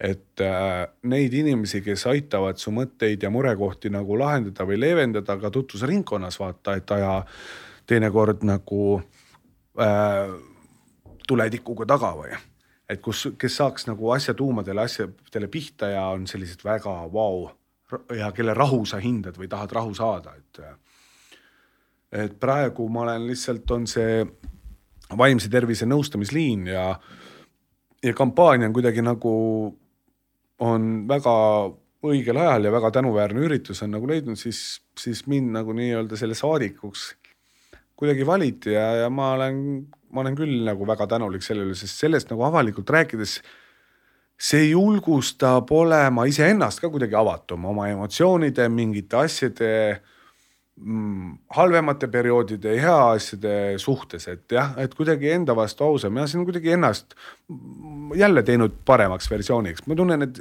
et kui sa sellest teemast oskad rääkida, vaata, sa oled avatum inimene, mitte sa ei hoia neid asju iseendas ja ma ei taha mitte midagi rääkida ja, ja öelda, et ma ei ole mitte midagi valesti teinud või ma ei tea, mille taha see kõik peita. et sa saad nagu rääkida päris asjadest jah, et see, ma olen selle vaimse tervise kampaaniaga käinud siin mitmes uudistesaates ja kuskil raadiosaadetest veel ja ma mäletan esimene Indekas, kus oli, ma ikkagi võrdlemisi kinniseks ja kidakeelseks ja pealiskaudseks võib-olla jäin. aga, aga sellel teemal võiks jätkata vestlusi veel üks paar aastat, ma tahaks täitsa huviga näha, mis juttu Jüssi suust siis tuleb. kas see kas sa tahaksid midagi praegu lisada sellele eelmisele või sellele esimesele intervjuule, mida sa näiteks jätsid ütlemata? Äh, vaata, see sõltub äh, vaimse tervisest rääkida, see sõltub väga palju inimesest, kellega sa sellega, kelle, kellega sa, kas sa julged sellest temaga rääkida, kas teil tekib hea kontakt, seal on nii mitu nagu faktorit, aga seal tuleb analüüsida seda äh, mis sina saad paremini teha või kuidas olla, et ma oleks pidanud ise olema nagu veel julgem, võtma ohjad võib-olla enda kätte, et et äh, ähm, aga ma ei heida ka kellelegi mitte midagi ette, sest see on veel, see on veel, ütleme ühiskonnas, ütleme selline uus teema äh,. millest me alles hakkame õppima nagu rääkima, et ja kindlasti see kampaania praegu avardab paljude inimeste silmaringi, et niisugune asi on üldse olemas. et näiteks eile, kui me Kanal kahe Reporteris rääkisime koos, koos tervishoiuspetsialisti ja ja inimestega, siis mu- mul eile peale Rita Ray kontserdid võõrad inimesed kirjutasid mulle, et mul on selline mure, mul on selline asi, mis ma saan teha, kas saad, kas sina just saad mind äkki aidata? ja, ja kõik need olukorrad ju mingid mustrid ju klapivad, mingid asjad on nagu nii tuttavad, et et ma ei tea, kas mina olen nüüd õige inimene, aga ma saan kuidagi ju suunata või aidata või, või oled mingid teekonnad läbi käinud, siis on nagu tuttav, kus sealt nagu lahendus leida, et et, et see on minu jaoks, ütleme, inimese psühholoogia ja kõik see, mis selle juurde käib, see on põnev äh,, põnev, põnev ta võib olla valus ja aus ja emotsioon ja ma ei tea, mis kõik seal on, aga ta on, ta on niisugune huvitav asi, jah. ta on huvitav asi, jah. mis sinu jaoks hetkel kõige valusam on? ma ei, ma pole ammu, pole ammu kurtnud, pole ammu kurtnud. ja ma ei võta kellegi teise valu äh, enda sisse, mida ma olen varem teinud, siis läheb asi, siis teed endale liiga palju liiga.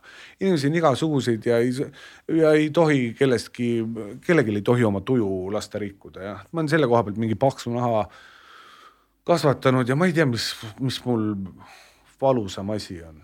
ei ole, ei näe seda. valu on mingi negatiivne asi kuidagi hea on olla positiivse vaibu peal. seda on väga hea kuulda.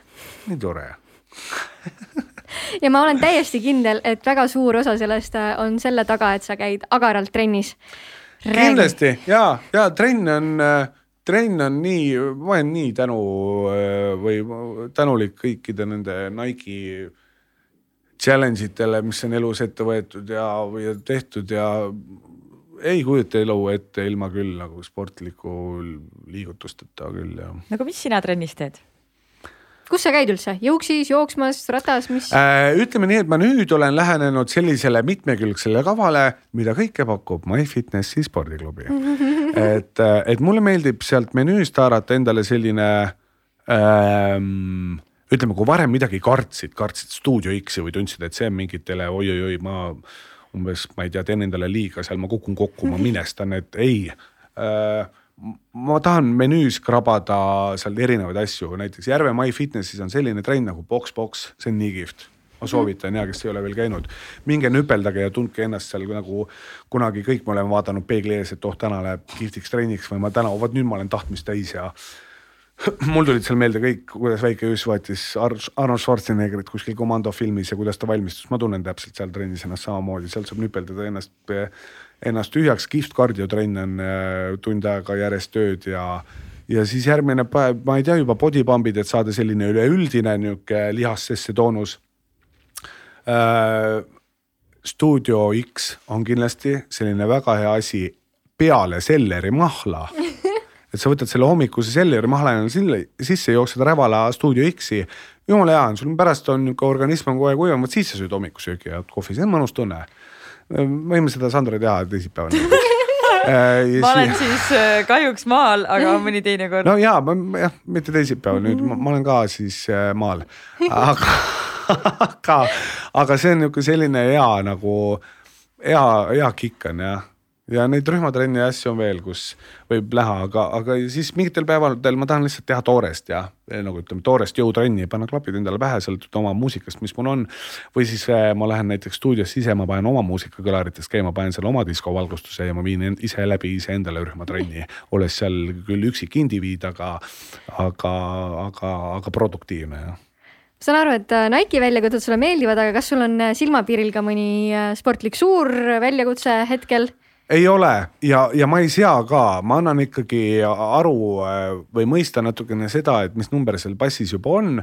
ja ma olen väga rahul sellega, kus ma olen ja kus mu need nagu eesmärgid on, ma tahan saada veel äh, tugevamaks atleetlikumaks, pruuniks ja saledamaks.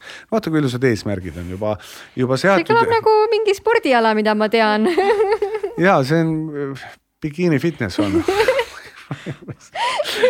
mis asi see on, aga, aga ühesõnaga ma tahan seal nüüd, mulle meeldib jalgpall, jalgpall on kihvt kardio. Äh, ja jalkat ma olen mänginud ka väikse poisina alates, taliujumine on minu jaoks uus asi, hästi kihvt taliujumist ma soovitan kõikidele inimestele, kes ei ole, ütleme ka minul oli paar aastat tagasi kummastav see spordiala, mõtlesin, mis inimestel viga peab olema, kas tõesti ei ole mitte midagi targemat teha. ja kui mind siis olude sunnil, kuna ei olnudki tõesti mitte midagi muud targemat teha, siis ma viisin ka sammud sinna kuskil Noblessnerisse või Pikakari randa, et minna siis seda ujumist proovima ja, ja see jälle ütleme niimoodi, et lihtsa, kõige lihtsamat printsiipi pidi rääkides, siis ju karastab mm -hmm.. noh, kui minna hästi lollikindla printsiibi järgi, taliujumine karastab aga ta lisaks sellele kõik, ma sain mingitest äh, seljanärvipingetest, ma sain mingitest lihasvaludest, kui sa oled näiteks eelmine päev teinud raske jõuksitrenni, sul järgmine päev on lihased valusad ja sa lood endale läbi selle mingi kuvandi või, või õigustuse, et oo, ma täna hommist trenni ei viitsi minna. palun mine tee see talisuplus ära, sa saad õhtul juba minna tegema peale, jah no vot, et sellise ja, ja mul täitsa nagu piisab, kui ma neid asju saan nagu jätkata, nii kaua kuni siis ma ei tea. no kui sa peaksid mingi asja ette võtma, no sul ju kõvad kolleegid Raivo Edam.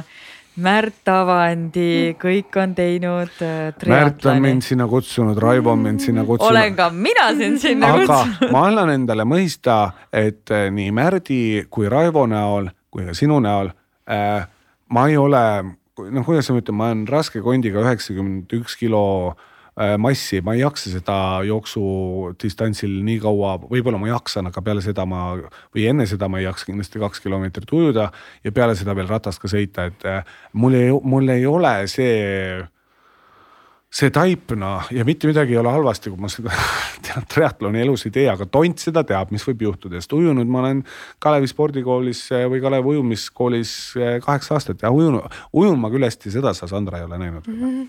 vot ei wow. ole tõesti. vaat mis kõik õpib siin. jah ja. aga no see no proof, nii et. Eh, no seda, noh, meil jõuame, seda on, mida oodata. aga meie jõuame omadega fänniküsimuste juurde, võtame kaks tükki, enne kui mm -hmm. me lähme soovituste nurga juurde. sest neid rohkem ei olnud. ei, neid oli rohkem, aga, aga ma võtan kaks siit fänni. oma lemmikud, sellepärast Nii. et ajaliselt on muidu varsti niimoodi, et tütrekene sul seal ei, tal on okei okay,, tal on sill, aga. jaa, tal on sill ja, näed, vaata, kuidas tal on mõnus. nii, esimene küsimus. parim viis hirmude ületamiseks noh, ma rääkisin siin oma koera hirmudest, ma rääkisin siin ka mingitest asjadest, kus sa oma hirmud lood või sa sõltud kellegist, kes võib-olla tahabki sind võib-olla hirmutada, siis äh, äh, noh, lõppkokkuvõttes sa võid ju lasta hirmutada või, või, või äkki koeri kardadki ja kõik on kuidagi nii, nii, nii.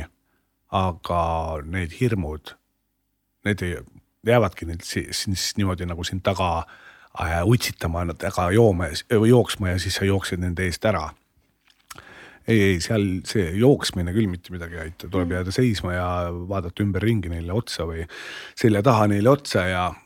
ja kui sa vaatad neile otsa tükk aega ja seisad seal kuidagi kaks jalga maad ja vaatad, vaatad, mis nad sulle teevad ja kas nad nüüd lasevad sind edasi joosta ja kui sa vaatad neile veel pikemalt, siis nad näevad, et see sind lihtsalt ei koti enam. ja siis nad jätavad su rahule. midagi sellist on see hirmudele kuidagi otsa vaatamine. Neil tuleb otsa vaadata jah. ja päris pikalt. teinekord pikemalt, valusamalt, aga seal raisk ei tohi jonni jätta ja need võivad olla jah niisugused, ma olen ikka jonni jätnud, et sa proovid, proovid, proovid sellise tahtejõuga mitte midagi teha, sul, sul tuleb kuidagi vaadata neile hästi rahulikult kuidagi niimoodi, et no mis sa nüüd siin tahad proovida. tahad sa mind proovile panna veel, veel, ei enam sa ei oska, enam sa ei saa, kõik et võtad, hirmul tuleb võtta ära relvad, jah. ja selle hirmu minu meelest parimaks relvaks ongi rahu, nii, järgmine fänni küsimus. mida ütleksid kahekümne aastasele endale oh,? oi, oi, oi, oi, oi, oi, kahekümne aastane juss. oota, ma mõtlen, kus ma siis omadega olin, oi, oi, oi. aga vaata, kui sa, kui me tuleme natukene veel mingitele teemadele tagasi et kui sa oled iseendaga nagu raskes kohas, mida ma kahekümne aastasena äh, ka olin, siis äh, laias laastus sellel hetkel, kui sa oled omadega raskuskohas, sul printsiibis inimesed jagunevad kaheks. Need, kes sind toetavad ja kellele sa, sa saad nagu oma asja nagu usaldada või kuidas sa tunned, kelle lähedust, ruumi ma saan usaldada. ja need inimesed, kellel läheb korda see, et sa just seal oled võib-olla plaksutavad isegi käsi kuskil selja taga või naeravad. et ma sellele kahekümne aastasele Jussile ütleks nagu näed, et vot need inimesed, sa katid ära oma elust. ja katid ära oma elust terveks järgnevaks eluks. sest need inimesed on mul ikka saanud mingeid kaikaid kodarasse loopida küll nagu ja siis ma olen käinud võib-olla isegi oh, et nende heakskiitu või tähelepanu saada, et äkki, äkki te olete siis paremad kui need inimesed, kes seal teisel pool on, ei, osad inimesed ei muutu. et ma kahekümne aastasele Jussile ütleks ka, näed, osad inimesed oskavad teha niisuguseid asju. kõik inimesed Juss ei ole hea, nii nagu sul on lapsepõlves võib-olla maailm sulle loodud turvalises lahedas kodus ja lasteaiakasvatajad on sind kallistanud ja nönnitanud, ei ole nii. ei ole nii, et need inimesed kati ära seda ma ütleks võib-olla kahekümne aastasele Jussile rohkem, et koondu nende inimeste juurde, kes sind julgustavad ja tugevamaks teevad ja, ja iseenda paremaks versiooniks ja ära lase teistel oma ütleme pähe astuda, on ka veel hästi öeldud. et ära lase iseennast nagu kuidagi neile süüa või õgida jah fänn Sandra tahab korra küsida. kuule, aga see ei ole üldse aus, teised fännid küll ei saanud siin küsida rohkem. no nad ei ole siin, see ei ole teie podcast, sorry äh,. lihtsalt ühe nimega. Äh, sinu kõige suurem Eesti või sinu kõige suurem Eesti eeskuju lavadelt on? kui sa praegu ütled, kes sul kõige pea, kui sa mõtled kõige ägedama näitleja või artisti peale, kes sul tuleb kohe esimesena mehe pähe? Teate, kuna meil Märt võib-olla jutuks tuli, siis, siis äh, Märdiga me oleme saanud teha küll koos mingit palju, palju tööd, saanud koos elada Narva-Jõesuus ja, ja, ja ütleme, et kui see Narva-Jõesuu aeg oleks meil praegu veel siin olemas või juures, siis, siis äh, siis Märdiga oli kuidagi koos lahe teha, kasvada, analüüsida, rääkida, olla ühel lainel ja ja, ja seda ma arvan, või kahtlemata me oleme siiani, et, et vaatamata mis, sellele, mis raskusi elu võib tuua või, või ei too, siis, siis Märdist on olnud küll kuidagi nihuke mingis mõttes ütleme sellise vanema venna roll või. aga neid selliseid väga häid kolleege, ütleme, või inimesi kellega oled teinud asju ja kellele nagu helistanud, näiteks Ugala Päevilt on selline fantastiline naisterahvas, kellele ma siiamaani helistan, kes on nii nunnu ja nii tore, ta on luulekomissarov. et, ähm, et lull on, lull on nii mõnus mutikene, no ta on, ta on ka täpselt, äh, kõik saab, kõikidest asjadest saab rääkima, ma hästi nagu hindan äh, osade inimeste puhul seda, et meil on filtrite vaba kuidagi häbenemata mitte milleski kuskil oma sõnu kontrollima, ei, me lihtsalt suhtleme, oleme ja peame teineteist kalliks, et Ugala päevilt kindlasti Luil mulle väga kalliks sõbrannaks sai ja, ja, ja siiamaani ta on ja. tervitused Luulele ja Märdile ja nüüd on aeg soovituste jaoks. jep, täpselt nii. Äh, üks teos, mida iga inimene võiks tarbida, olgu selleks siis raamat, näidend, äh, näitus, äh, ma ei tea, podcast film. film näiteks, seriaal? see on hea küsimus. ma lugesin ka seda küsimust ja siis mul, mul see kuidagi äh,. ma ei osanud midagi nagu tuua olulist välja, et mis on minu elu siis kas niimoodi mõjutanud või, või kuidagi paremaks viinud. ma vastan sellele üleüldiselt, et siin tuleb ja võttes kokku võib-olla seda, mis me oleme täna rääkinud, et, et ma arvan, et sinu chance või sinu üks äh, life või sinu elu, see, sa pead seda, seda raamatut kirjutama, see on sinu teos. mis sa sinna kirja paned ja mitte midagi ei sünni äh, sinna raamatusse läbi allaandmise äh,. siis jääb raamat pooleli jah, või seisma. et, et sinna, sinna nagu katsu nagu äh, võimalikult palju kirjutada, et kui sa hiljem kunagi sellele tagantjärele mõtled või vaatad, et siis sa näed, et kuule, seal on ikka väga palju asju kirjas. seda ma käsitleks niisuguse üleüldise teosena, et sinna sa saad panna kirja kõik, mis need raamatud, filmid mulle individuaalselt meeldivad, kus ma teatris käisin, mis ma tegin. ehk siis oma biograafia. ja mm, -hmm. ja nimetame seda siis nii mm. -hmm. üks oskus, mida iga inimene võiks õppida oskus äh, no mina oleks tahtnud nooremana osata oma emotsioone tundma õppida varem, oskus hoida, oskus näha head, keskenduda heale äh, ajal, kui on negatiivne või tahab negatiivne võimust võtta.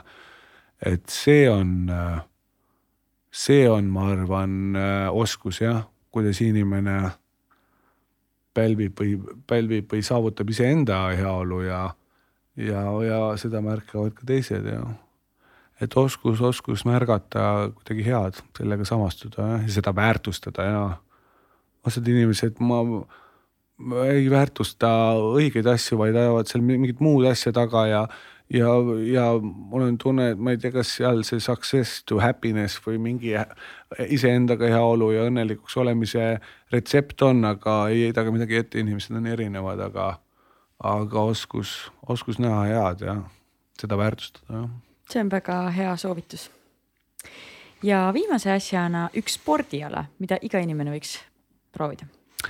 Underwasser rugby ehk siis veealune räkvi kus seda katsetada saab? me olime lavaka ajal, olime esimene kursuse lõpp, läksime Helsingisse, me olime vahetusüliõpilased, me ööbisime olümpiastaadionil äh,, olümpiastaadioni hostelis. ma arvan, et see ööbimisasutus on siiamaani kõigile veel kättesaadaval.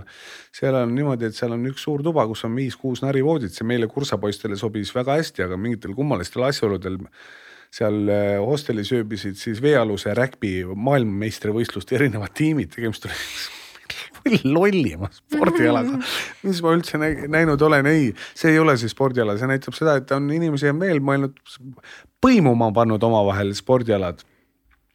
aga spordi, sportimine kui selline, see on jälle individuaalne, seal tuleb leida iseenda nagu asi, ma, ma ei oska öelda, et spordiala jalgpall, palun nüüd kõiki, kõigile või, või massidesse sulgpall või vehklemine või see on kõigile inimene, aga spordiala kui selline mina väljendan jälle, võta see oma biograafia, oma teos ette ja vaata, mis need sinu spordialad on, nagu keskendu, keskendu nendele, sest neid on küll kindlasti igalühel. ma, ma, ma, ma ei usu, ma, ma, et keegi ütleb, et oo, ma olen täiesti äh, tal on kindlasti mingi pisik millekski olemas, kui sa oled tugitoolisportlane, on ka seda tuleb väärtustada, ole siis jah, seal, seal on küll teadmised rohkem ja asjad, aga ma, mina, ma ei oska niimoodi öelda, et spordiala, millega kõik peaks tegema, vot ujuda osk-, võiks küll kõik osata mm -hmm. jah, mhm. ütleme siis nii noh. selline, ma räägin, ma räägin Miiale ja Madlile ka seda, Miiale ma räägin juba päris mitu aastat, et, et lähe ujumistrenniks selleks, mitte et saada endale laiad õlad ja kala nägu see ei ole see ei ole eesmärk, vaid et saada baasteadmised, kuidas hüpata peakad, kuidas veest välja tulla, miks mitte osata natukene liblikat, sellili. see on kõik põnev nagu eluks äh, vajalik oskus, et mina tagantjärgi ka, ma vihkasin ujumistrenni neid võistlusest, ma olin esiteks kondine veresooned nähtaval, kleenuke, suure peaga poiss ja, ja ma ei jaksanud liblikat kuidagi kätt käsi sealt veest välja tõsta ja aga, aga ma käisin seal ujumistrennis ja ma olen nii tänulik selle eest, et ma, et ma oskan suurepäraselt äh, ujuda ja, ja kui seda peaks üks, ühel heal päeval Sandra Raju nägema, siis ma arvan, et ta järgmisel vestlussaatel muust ei räägigi kui ainult sellest. Jussi liblikast. Ja liblikatest kõhus kus iganes nad siis on mul on tunne, et siitkohast on meil siis äh, õige hetk äh, pakkida kokku tänane podcast, aitäh Juss, et sa meile külla tulid. Mm. -hmm, aitäh kutsumast, nii tore oli, nii tore päev oli. ja aitäh kuulajad-vaatajad, et olite taas kord meiega ja järgmise korrani. tšau.. Sportland, Be First podcast